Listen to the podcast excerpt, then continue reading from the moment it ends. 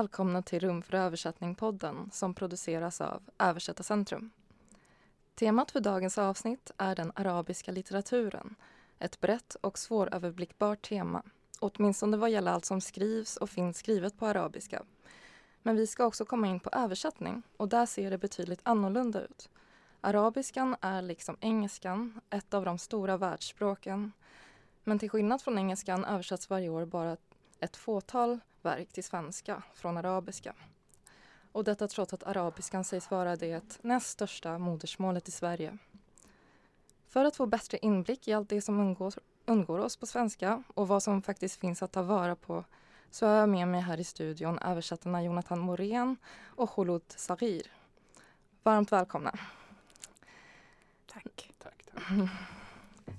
Ni har båda lång erfarenhet inom ämnet och ni har betytt mycket för den arabiska litteraturen i Sverige. Det känns därför väldigt spännande att sammanföra er här. Jag tänker att ni båda arbetar väldigt brett, men på olika sätt. Ni ska få presentera er själva också, men bara lite kort. Eh, Jonathan, du har ju någonstans beskrivit dig själv som en förhärdad arabist. Jag tänker att det speglar det enorma språkliga världshav man står inför som översättare från arabiska men även arbetsvillkoren som kräver, kräver mycket av översättaren och hur du trots allt detta fortsätter att leverera på hög nivå, översätter och introducerar allt från klassiker till moderna samtida romaner.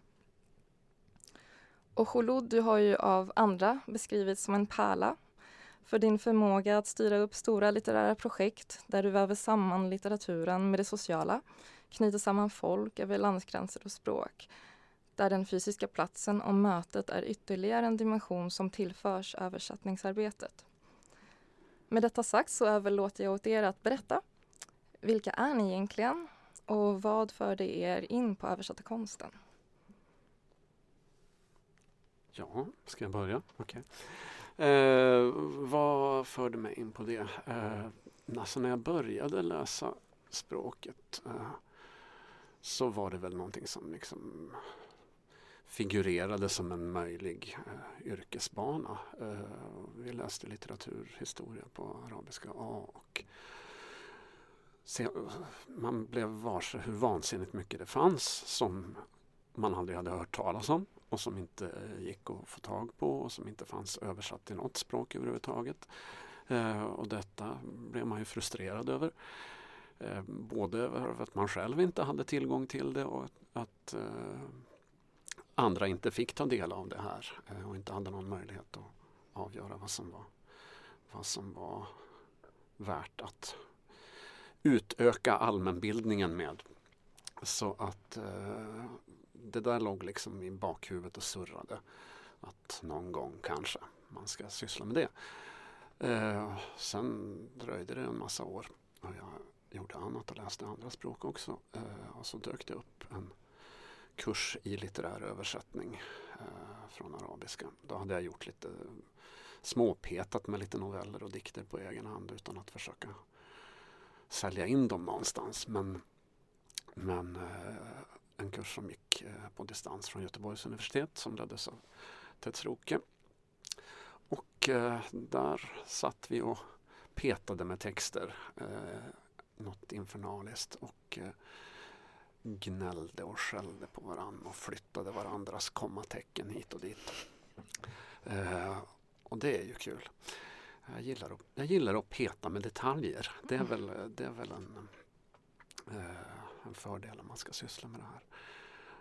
Och eh, det skulle bli då en antologi av eh, kursens alster eh, som omsider kom ut på Tranan med egyptiska noveller. Och eh, innan den var gjord, eh, för den tog sin tid att få färdig och redigera klart, eh, så hade jag råkat föra på tal under ett, under ett av våra, våra kurs, under en av våra kursträffar så diskuterade vi verbet sahela, gnägga. Mm. Och för det förekommer någon text. Och, ja, vilka, är, vilka är det som gnäggar egentligen? Är det bara hästar som, eh, som sahela? Eh, eller finns det andra också? Då råkade jag eh, undslippa mig, ja men kentaurer också. Eh, för då hade jag just läst Salim Barakats eh, Kuhu Faider Hodahus som är en liten kortroman som utspelar sig i ett kentaurrike. Och det är lite märkligt att de gnäggar eftersom de borde ha mänskliga talorgan. Men eh, av någon annan, de pratar men de gnäggar också. Eh, och jag nämnde för Tets att jag hade läst den där. Och han högg direkt. Vill du översätta den? sa han. Eh, för att då hade han eh, gjort tre, tre böcker av Salim Barakat tidigare och fått en förfrågan om att göra även den här Kentaurboken. Eh, som han inte riktigt hade tid med. Han hade väl kört ut sig på de tre första för Salim är ganska utmattande att jobba med. Eh, och helt plötsligt stod jag där med ett avtal på en första roman. Eh, så man, behöver bananskal av detta slag för att, för att hamna i branschen. Jag vet ingen annan som har kommit in på det sättet men det, det finns andra osannolika vägar in i det här yrket. Mm. Spännande. Ja. Och du, Khulud? Ja, alltså jag har ett ord som sammanfattar allting faktiskt eh, inom det litterära som jag, håller, som jag arbetar med och håller på med och det är bristen. Eh, min utgångspunkt var lite annorlunda för att jag eh, kom hit eh, som tolvåring och eh, i och med att jag kom till Sverige som tolvåring så förlorade jag modersmålet arabiskan. Det blev väldigt abrupt. Det var liksom min strategi att klippa med det och eh, assimilera mig in i det svenska samhället. Och så hände det saker när jag började bli vuxen. Eh, eh, en längtan tillbaka till arabiskan. För att jag har förstått att jag alltid haft en speciell relation till det. Inte bara som ett modersmål utan jag har haft en kärlek för, för arabiska som språk. Och läste mycket, snodde böcker från min mor och far läste i smyg och sånt där. Eh, böcker som barn inte ska läsa. um, och så det var ju i samband med invasionen av Irak 2003, jag är född i Bagdad, som jag började längta tillbaka till språket och eh, några år senare träffade jag då eh, poeten och översättaren Jassim Mohammed som gestaltar då mina eh, personliga eh, mitt personliga brottande med språk. För att jag träffade någon som hade mina språk. Eh, så. Men det är också så att i samband med att vi levde tillsammans så, så kom jag också i kontakt med hans arbete med översättning. Eh, eh, fokuserade då på, på arabiska, eh, arabiskspråkiga eh, poeter. Eh, och i samma veva så arbetade jag eh, på, eh, jag arbetade med Palmecenter med demokratiutveckling på Västbanken. Så jag hade ju Ehm, en relation till arabvärlden, eh, skapade mig det. Eh, men jag varit frustrerad där för att jag ville ju komma i kontakt med tänkande människor och jag kom in inom politiken och där var det väldigt styrt och inte alls det, det var inte de möten jag ville ha. Så kom arabiska våren eh, och återigen till den här bristen och frånvaron för att jag har upplevt att dessa röster, alltså dessa um, intellektuella röster som finns i arabvärlden var inte representerade här. De nådde inte oss hit och jag var mest intresserad då av de kvinnliga rösterna. Uh, för att det var det jag höll på med. Jag hade varit engagerad i flera jämställdhetsprojekt. Uh, och då ville jag göra någonting åt det helt enkelt. Uh, för att i, presentera, introducera flertal röster. Och jag, jag var ju statsvetare. Jag hade läst litteraturvetenskap med fokus på franska då. Eh, så intresset fanns men det var ju det statsvetenskapliga som hade dominerat fram tills dess. Så det här är 2005-2006 då.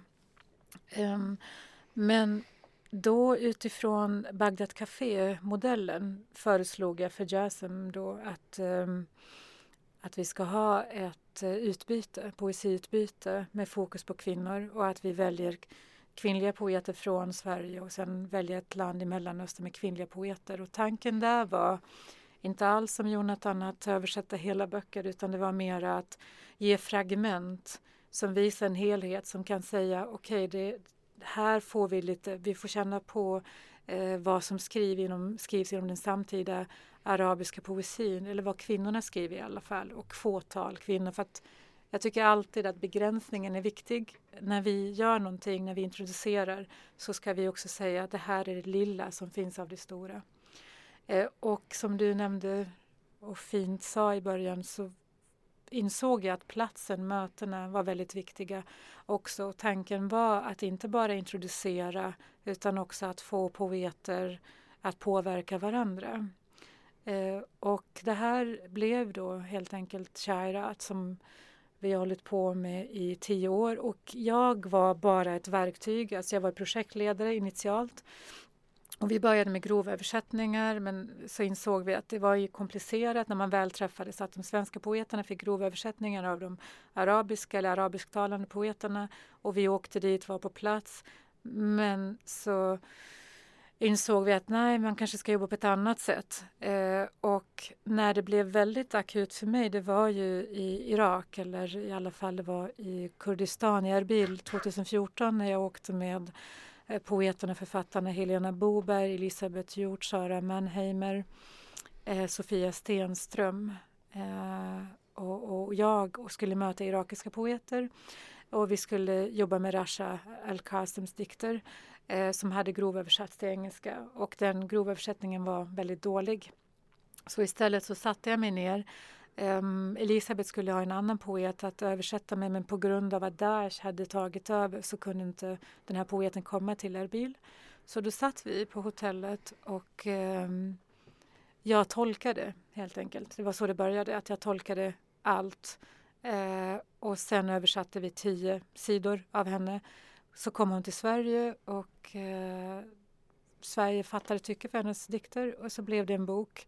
Och vi fortsatte för att då ville ju Rasha att vi tre som jobbade med henne skulle eh, översätta. Så det var den, den vägen, det var så det började. Mm.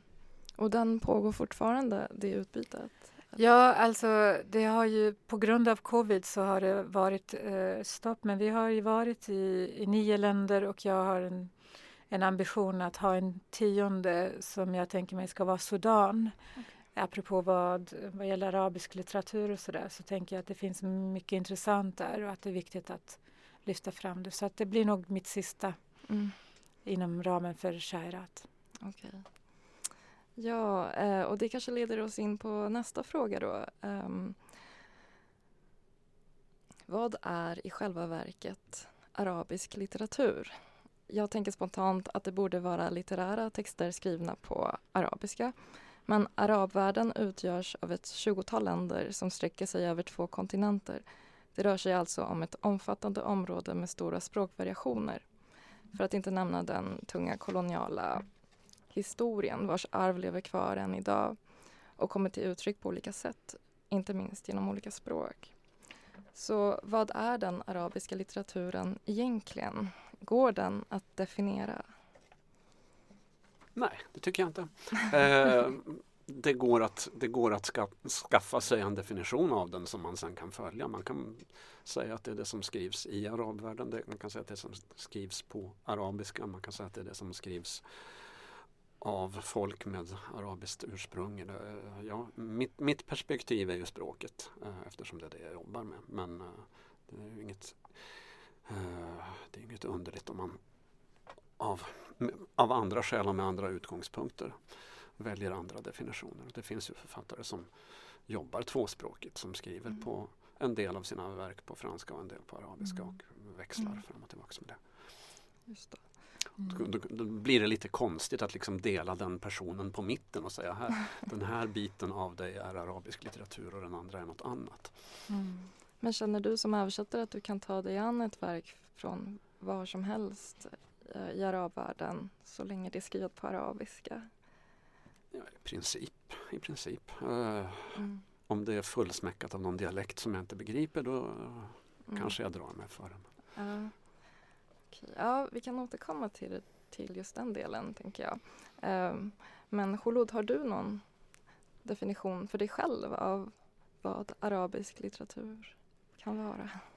Jag tror jag delar Jonathans uppfattning där. Mm. Um, och jag har förstått när jag har rest i Mellanöstern att det är en väldigt känslig fråga och provocerande fråga och där kan ju faktiskt i de här diskussionerna det koloniala arabiska komma fram som också många minoritetsspråk kämpar med som till exempel fallet Algeriet. Mm. Um, så jag tycker att det är komplext och jag tycker att vi låter författaren själv eh, definiera eh, vad de skriver, vad det är för någonting. Och jag har själv erfarit, alltså jag tänker en av mina favoritförfattare, Amin Malouf, alltså han skriver på franska.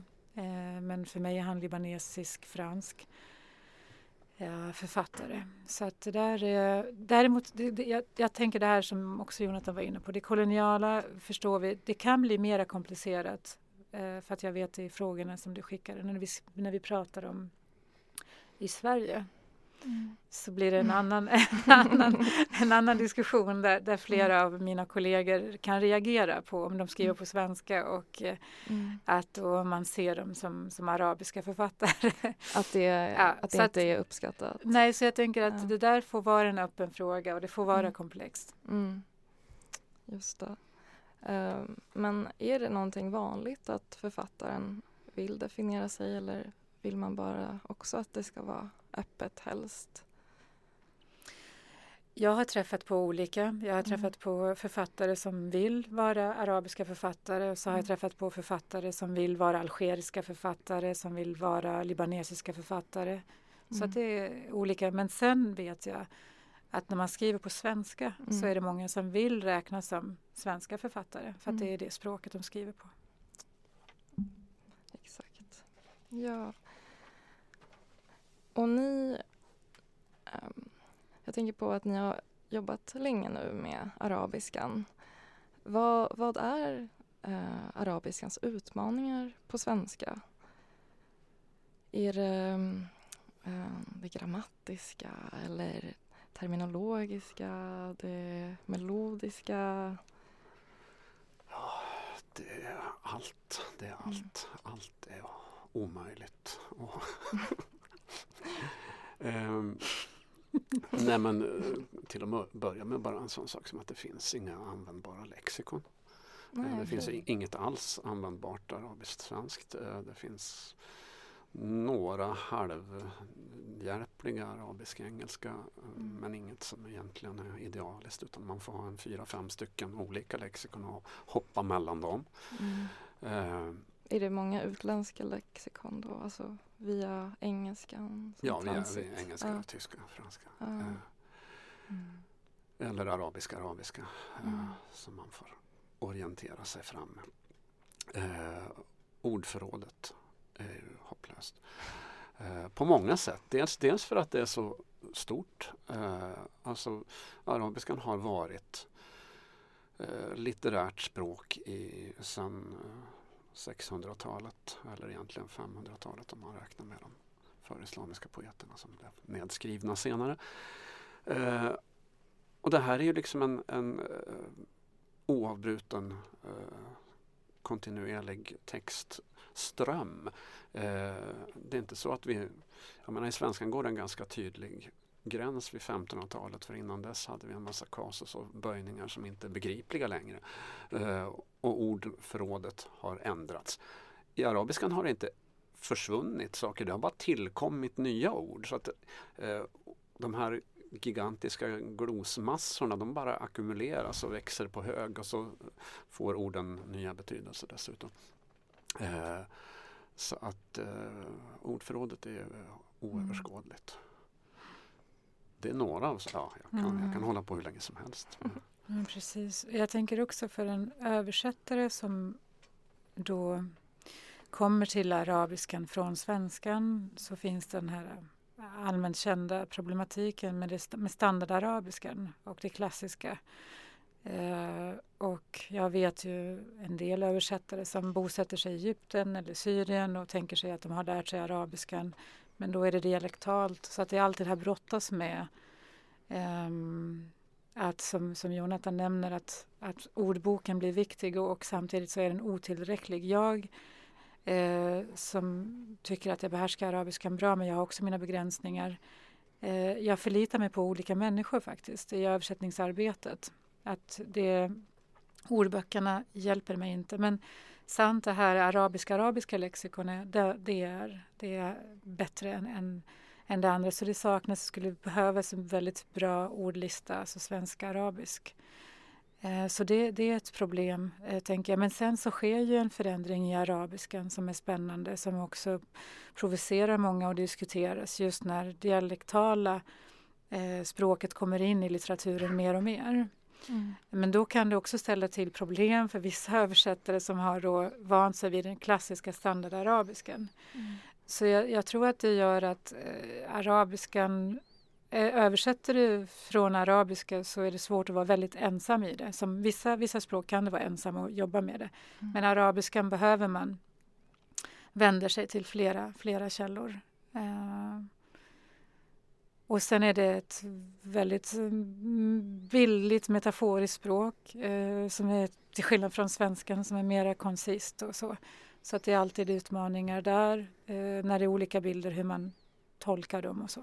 Mm. Eh, men det är också fantastiskt roligt att, mm. att jobba med det. Um, skulle ni vilja berätta lite mer om standardarabiskan?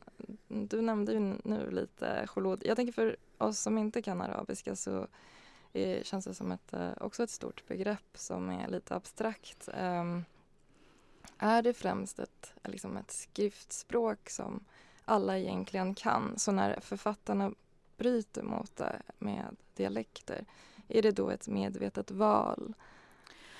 Ja, alltså jag kan börja så får ju gärna eh, vår akademiker också eh, komplettera. Eh, du, när du går i skolan så är det mm. arabiska, standardarabiskan du läser, du skriver. Eh, samtidigt så talar du hemma eh, mm. dialektalt. Eh, när du är ett barn så, så, har du en dialekt beroende på var du bor. Eh, vissa har ju två språk eller tre språk men arabiska dominerar där man lever. Sen börjar man skolan och då kommer det helt nya vokabulär. Alltså jag kan ta ett exempel bara så att ni hör. Som irakiska så kallar jag Ordets för sked som är klassisk arabiska, det är malaka. Det är standardarabiskan. Eh, som barn irakisk, med irakiska föräldrar så lärde jag mig att eh, malaka, alltså sked, är khashuge. Mm, det är lite persiskan. ja, precis. Så att du ser att det är verkligen, det finns mm. stora, stora, eh, stora skillnader. Eh, så man Eh, man skriver och man läser på arabiska och samtidigt så finns det de som författare som Hassan Blasim som Jonathan översätter som tycker att nej, men man ska demokratisera eh, arabiskan eh, mm. och varför inte då att eh, låta talspråket komma i skrift. Mm. Eh, Tv visar ju också serier sånt där dialektalt men nyheterna läses ganska ofta med standardarabiska. Um, ja. Men nyhetsspråket är ju ett innantill läsningsspråk också till stor del. Ja. Det, det, är ju en, mm. alltså det är ingen som eh, Det är ju ingen som har det här litterära språket som sitt modersmål. De, kan, de dialekterna kan vara mer eller mindre näraliggande. Eh, men det är ju i praktiken kan man säga att det finns inga arabiska författare som skriver på sitt modersmål nästan. Eh, mm. Alltså Hassan Blasim han stoppar in lite dialekt här och där. Han har skrivit någon enstaka text på eh, eller försökt göra på ren dialekt. Eh, men han håller ju sig i stort sett till standardspråket också. Mm. Eh, för att det finns ingen det finns ingen etablerad praxis för hur man skriver dialekt och då gör alla på sitt eget sätt och folk är inte vana att läsa det. Mm.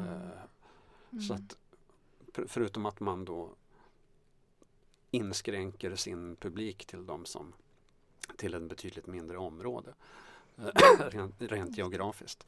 Sen eh, stänger man ut andra genom att skriva på standardarabiska. Har man bara gått igenom eh, grundskola och gymnasiet och inte öppnat en bok efter det eh, då sitter man ju där och stirrar eller har man gått igenom eh, modersmålsundervisning i svensk skola då är man inte särskilt väl rustad för att gå bara gå och låna en roman och läsa den rakt igenom. Verkligen inte. Okay. Ja, men, men eh, det där är också väldigt intressant med tanke på att standardarabiskan en gång i tiden var dialektalt. Mm. Eh, och man bestämde sig för att skriva ner det. Men det finns ju säkert politiska också skäl bakom just att eh, arabismen och hålla ihop nationerna. Men jag tror att det skulle vara väldigt intressant rörelse att se det ske, åtminstone om man kan börja med barnlitteraturen som för mig som när jag blev mor och eh, försökte eh, upprätthålla arabiskan för min dotter Selma och eh, hade inte så mycket fantasi vad gäller att berätta egna historier och ville låna böcker på arabiska. Och det vart ju eh, ganska komplicerat så jag fick översätta. Alltså när jag läste, det var inte naturligt för mig att läsa standard arabiska mm. till, mm. Alltså för en dotter som är fyra år. Mm. Eh, så att jag skulle vilja se det. Jag skulle vilja se att, att åtminstone barnlitteraturen eh, mm. blir mer dialektal. Och jag mm. misstänker att det finns säkert projekt och försök att, att göra mm. på det sättet. På en del, på en del håll försiggår det. Mm. Det, finns, det finns en del som skriver barnböcker på dialekt. Men eh, dels får man ju då en eh, geografiskt avgränsad publik och dels är mm. det fortfarande väldigt kontroversiellt. Att, att, mm. Eh, I synnerhet eh, på det området. Man tycker att barnen ska lära sig ordentlig, mm. ordentlig arabiska. Mm. Eh, det är den, alltså barnlitteraturen har ju varit väldigt fram tills för en, kanske 20 år sedan väldigt genomsyrad av pedagogik och uppfostrande av olika slag. Ja, och jag tycker själv att um, utifrån intresset för språk så är det bra om det finns utrymme uh, för dialektala mm. alltså språk bredvid. Jag tycker att jag ser det som nödvändigt faktiskt. Mm. Mm. Och om man ska tala om den översatta litteraturen från arabiska känns det också, välkomnar ni det som översättare också? Eller försvårar det passagen till svenskan? Alltså har, har Jonathan översatt Salim Barakat och så tror jag att man klarar av dialekter också. Och sen mm. återigen att det är ju ett utvecklingsområde. Um, och det, det ser inte jag som något omöjligt. Det finns mm. självfallet utmaningar med det men um, det, går, det går att lösa, ser mm. jag det. Jag ser inte det som ett hinder. Vad säger mm. du Jonathan? Det beror, väl, det beror väl på översättarna. Det finns, det finns säkert översättare som det passar bättre för och mm. sämre för. Sämre för mig, men, men det, det, är bra. Då finns, det, då finns det andra som kan göra det. ja. Um, men hur ser den översatta arabiska litteraturen ut i Sverige? Vilka verk översätts, skulle ni säga? Alltså först och främst så är det väldigt lite som översätts. Uh, nu har jag inte en aktuell uh, siffra men det, är det två, tre böcker per år tror jag mm. sist jag mm. kollade. Mm, uh, och färre till min förtvivlan så är det färre poesi och mera romaner och jag tycker själv att det är den arabiska poesin som är mer intressant än romanerna. det snackas om eh, kris för den arabiska romanen. Men, ehm, så det tycker jag är väldigt lite. Jag har sett ett mönster utifrån där jag befinner mig att eh, oftast är det om någonting har översatts redan till engelska eller franska som man blir nyfiken på. Att en, en, en bok eh, får uppmärksamhet utanför den arabiska världen. Det är det jag har sett. Och sen så finns det ju eh, människor som är väldigt intresserade och vill eh, introducera en viss författare och jobba för det och lyckas de få ett förlag som till exempel Tranan som jag tycker är mycket bättre än andra på att lyfta fram arabisk litteratur så då har man ju lyckats med det. Mm. Jo, nej, men det är ju ett antal små förlag som har burit upp eh, den här litteraturen i princip. Mm. Och tidskrifter va? Och tidskrifter för all del. Eh, så att eh, vi, har två, vi har två förlagskolosser i det här landet. Mm. Eh, Bonniers och Norstedts med 150 år på, av verksamhet på, på meritlistan. Vad har Bonniers gett ut? Är det kanske fem böcker totalt under de mm. 150 åren översatta direkt från arabiska? Fem böcker? Ja. Okay. Eh, eller om det är fyra. Och Norstedts har väl fått iväg två, tror jag. Wow. Mm. Eh, och det är inte så jätteimponerande. Mm. Eh, men de, de, eh, de, har ett, eh, de har ett visst, alltså de Naturligtvis, deras intressen är kommersiella. De vill ha böcker som, som går att kränga. Men eh, de letar i alla fall. Däremot är problemet att de har ingen aning om vad som finns. De har ingen aning om var de ska leta. De har, ingen, de har ingen möjlighet att sålla i det här. Eh, så att jag får, jag får ju förslag ibland. Eh, eller lektörsuppdrag när de säger läs den här och uttala dig och säg om det här är någonting vi ska satsa på. Och tyvärr är det nästan bara dåliga böcker de har grävt upp.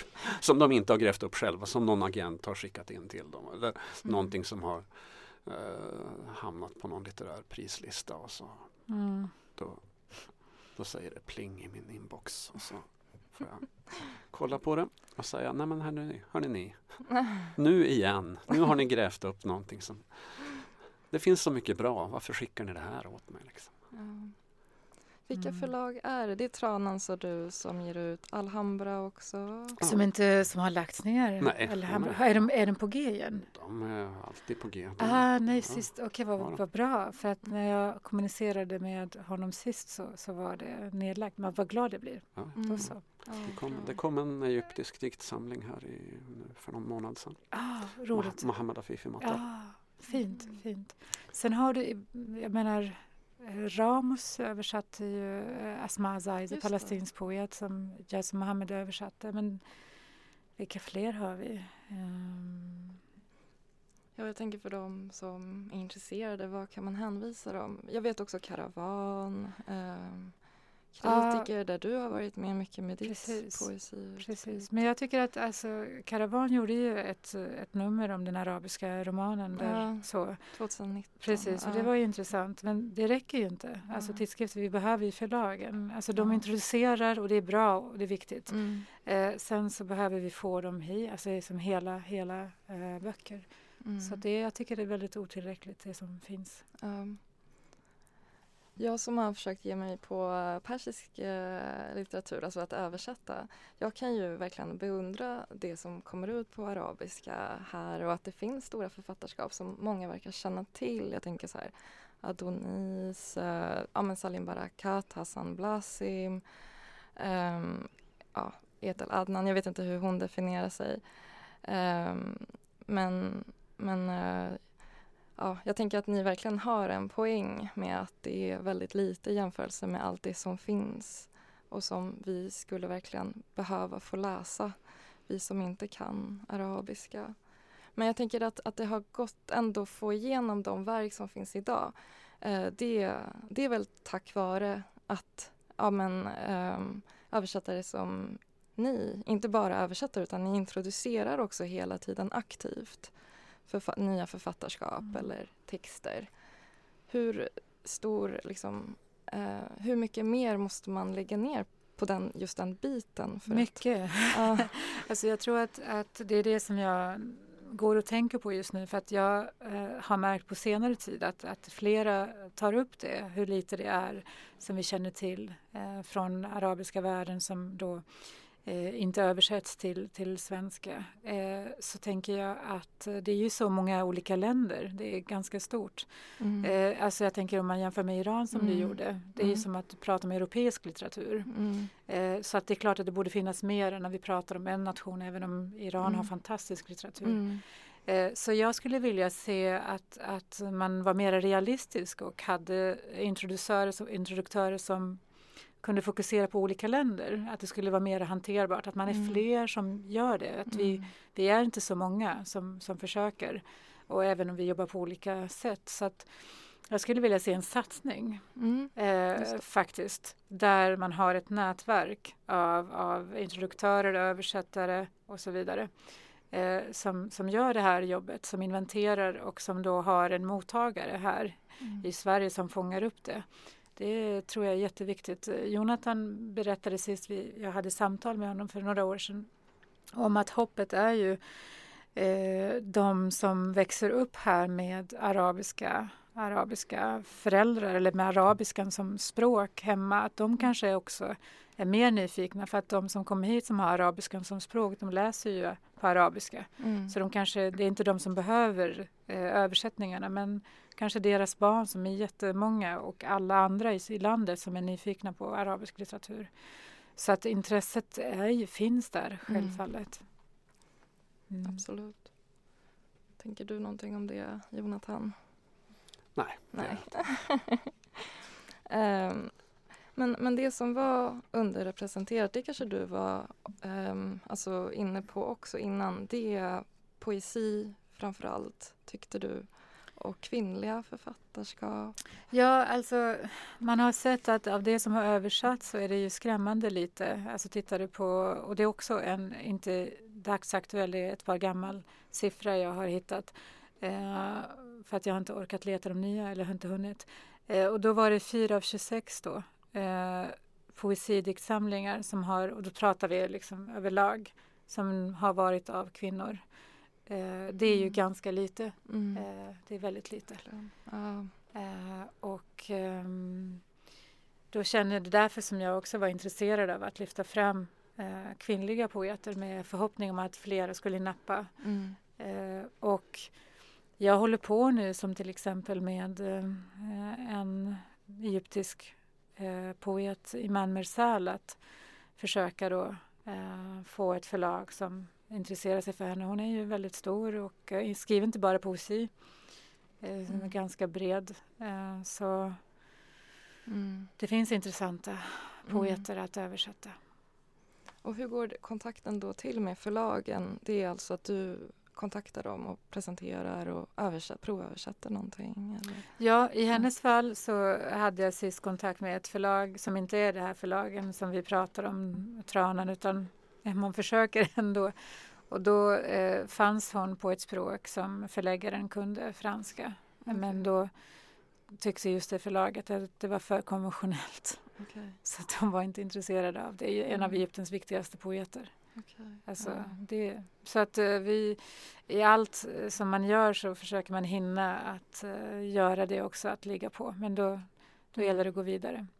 Men sen har jag själv nu till exempel, det är inte poesi, jag tänker på en Uh, utifrån det här att jag försöker fundera på att jag ska påbörja det jag vill att vi ska ha. Att jag kanske ska, med tanke på den naturliga kontakten jag har med, med det irakiska men även libanesiska för att jag har jobbat eller haft kontakt med libanesiska författare. Så tänker jag att jag ska fokusera på det och så såg jag att eh, vad gäller irakiska författare så har vi ju Hassan Blasem Sadawi som mm. Jonathan har översatt, Just, båda ja. två. Mm. Men, men då är det konstigt, vad är kvinnorna? Mm. och då har vi en etablerad irakisk eh, författare, journalist Inam Qajakci eh, som är översatt till både engelska och franska. Eh, som jag tycker att eh, hon också förtjänar att bli översatt. Som jag nu eh, håller på och försöker eh, göra en, en, liksom en provöversättning eh, och försöker se till att hon får ett förlag. Mm. Um, och att någon annan upptäcker det och så går det vidare. Liksom. Uh, så att det är ju en jakt som pågår hela tiden. ja. Jo, nej, men man är ju i praktiken äh, vid sidan av översättningen oavlönad litterär agent äh, åt författaren som inte ens vet om att man gör det. Äh, och det skulle, det skulle vara så skönt att bara få göra det man ska. Ja.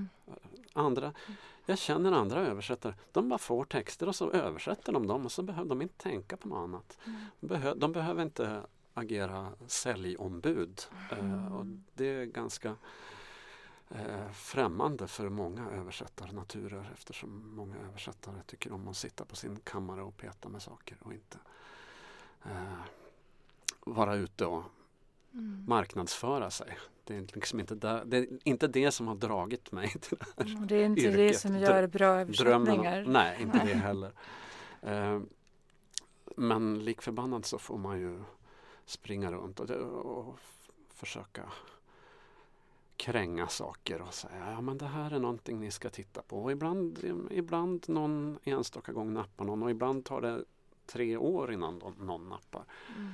Uh, och då är det aktualiteter som genererar? Och då är det aktualiteter mm. som genererar. Och det är så tråkigt att det ska behöva vara så. Alltså, mm. uh, intresset för italiensk litteratur det har liksom ingenting att göra med politiken i mm. Italien mm. eller intresset för spansk eller latinamerikansk litteratur. Uh, det är liksom inte konjunkturvågor i litteraturen beroende på vad som händer i regionen. Mm. Eh, men här på arabiskt håll är det ju nästan helt och hållet så. Mm. Och det är, därför vi, det är också därför det finns så oerhört lite, nästan ingenting eh, från länder som inte står i det politiska blickfånget. Precis. Alltså Gulfstaterna, Mm. Tunisien, det finns inte en enda arabiskspråkig tunisisk författare översatt till svenska. Eh, Bahrain har fantastiska poeter. De är inte Mm. översatta. Eh, visst. Så att-. Eh, Ett fall var ju den här uh, Ahmed El-Aidi som jag översatte åt Tranan som kom ut 2015. Eh, han hade varit i Sverige uh, åtskilliga år tidigare, kanske 2008-2009 någon gång. Eh, och för vi hade en serie eh, möt, författarmöten med tema Kairo som litterär stad på Södra Teatern. Eh, och där eh, till, hans, till hans besök så översatte jag ett kapitel ur boken som skulle läsas högt då. Det var där lite förlagsfolk och jag pratade med dem och sa att ja, men det här är kanske något ni ska titta på. Och Tranorna säger jo men eh, skicka in det där som, provöversättning så kan vi kolla det. Och så gjorde jag det. Hörde ingenting. Eh, det gick några månader och så till slut skrev jag och frågade har ni hunnit kolla på det där? Ah, nej, vänta. Eh, jag vet inte var jag har det. Kan du skicka det där igen? Ja, mm. det gjorde jag och väntade några månader eller mer och skrev tillbaka och sa Ja, har ni hunnit titta på det här nu? Ja, vänta, var har jag det där? Du, kan du skicka det igen? Och så gjorde jag det. Eh, och sen hände det magiska att det blev en arabisk vår. Mm. Och då hörde jag av mig igen och sa Hörni ni, ung arg egyptier, kan det vara någonting?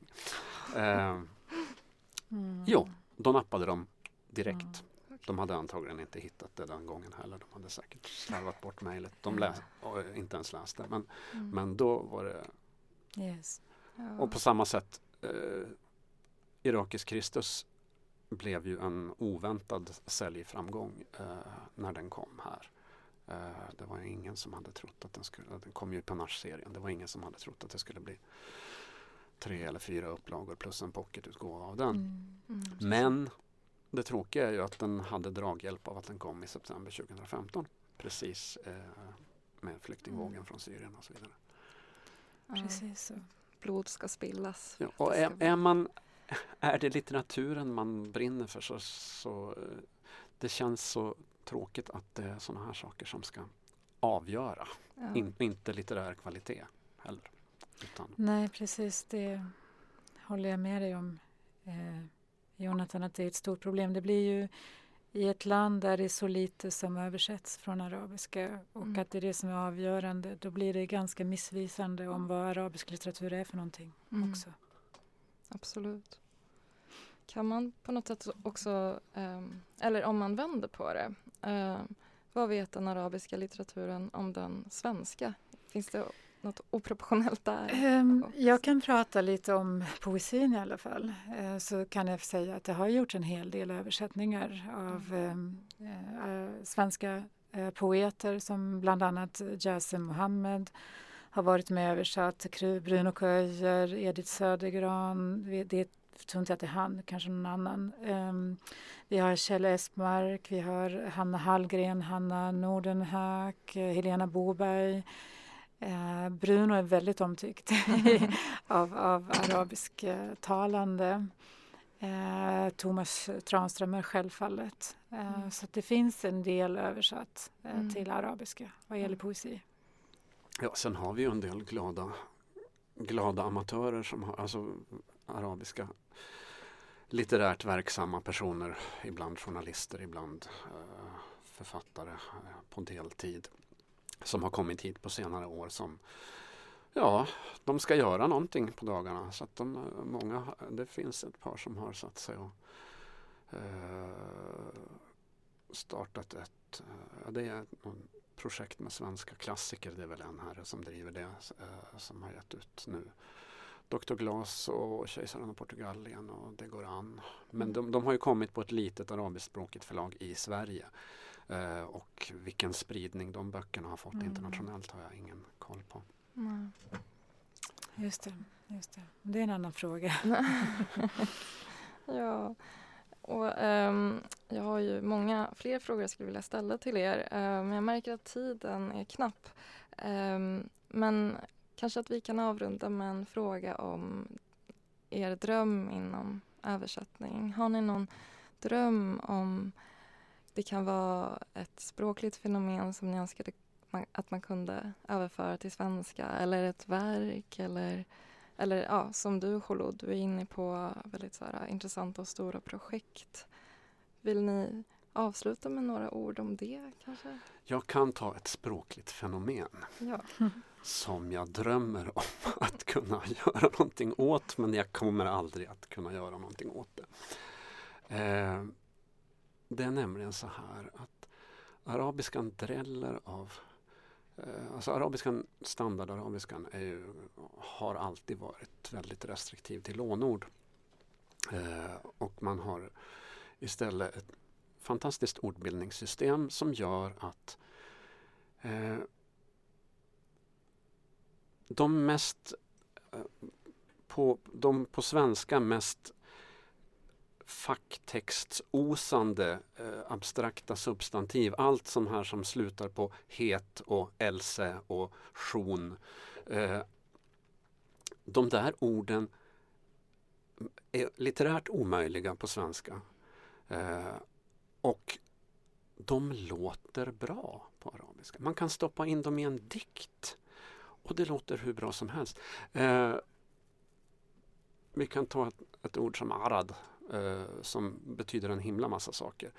Eh, man har, man, när man skulle ha det, det filosofiska begreppet accidens, alltså en icke nödvändig egenskap hos någonting, eh, då tog man det här arad som eh, redan fanns och betydde lite andra saker eh, och, och eh, satte in det, gav, gav den betydelsen åt det också.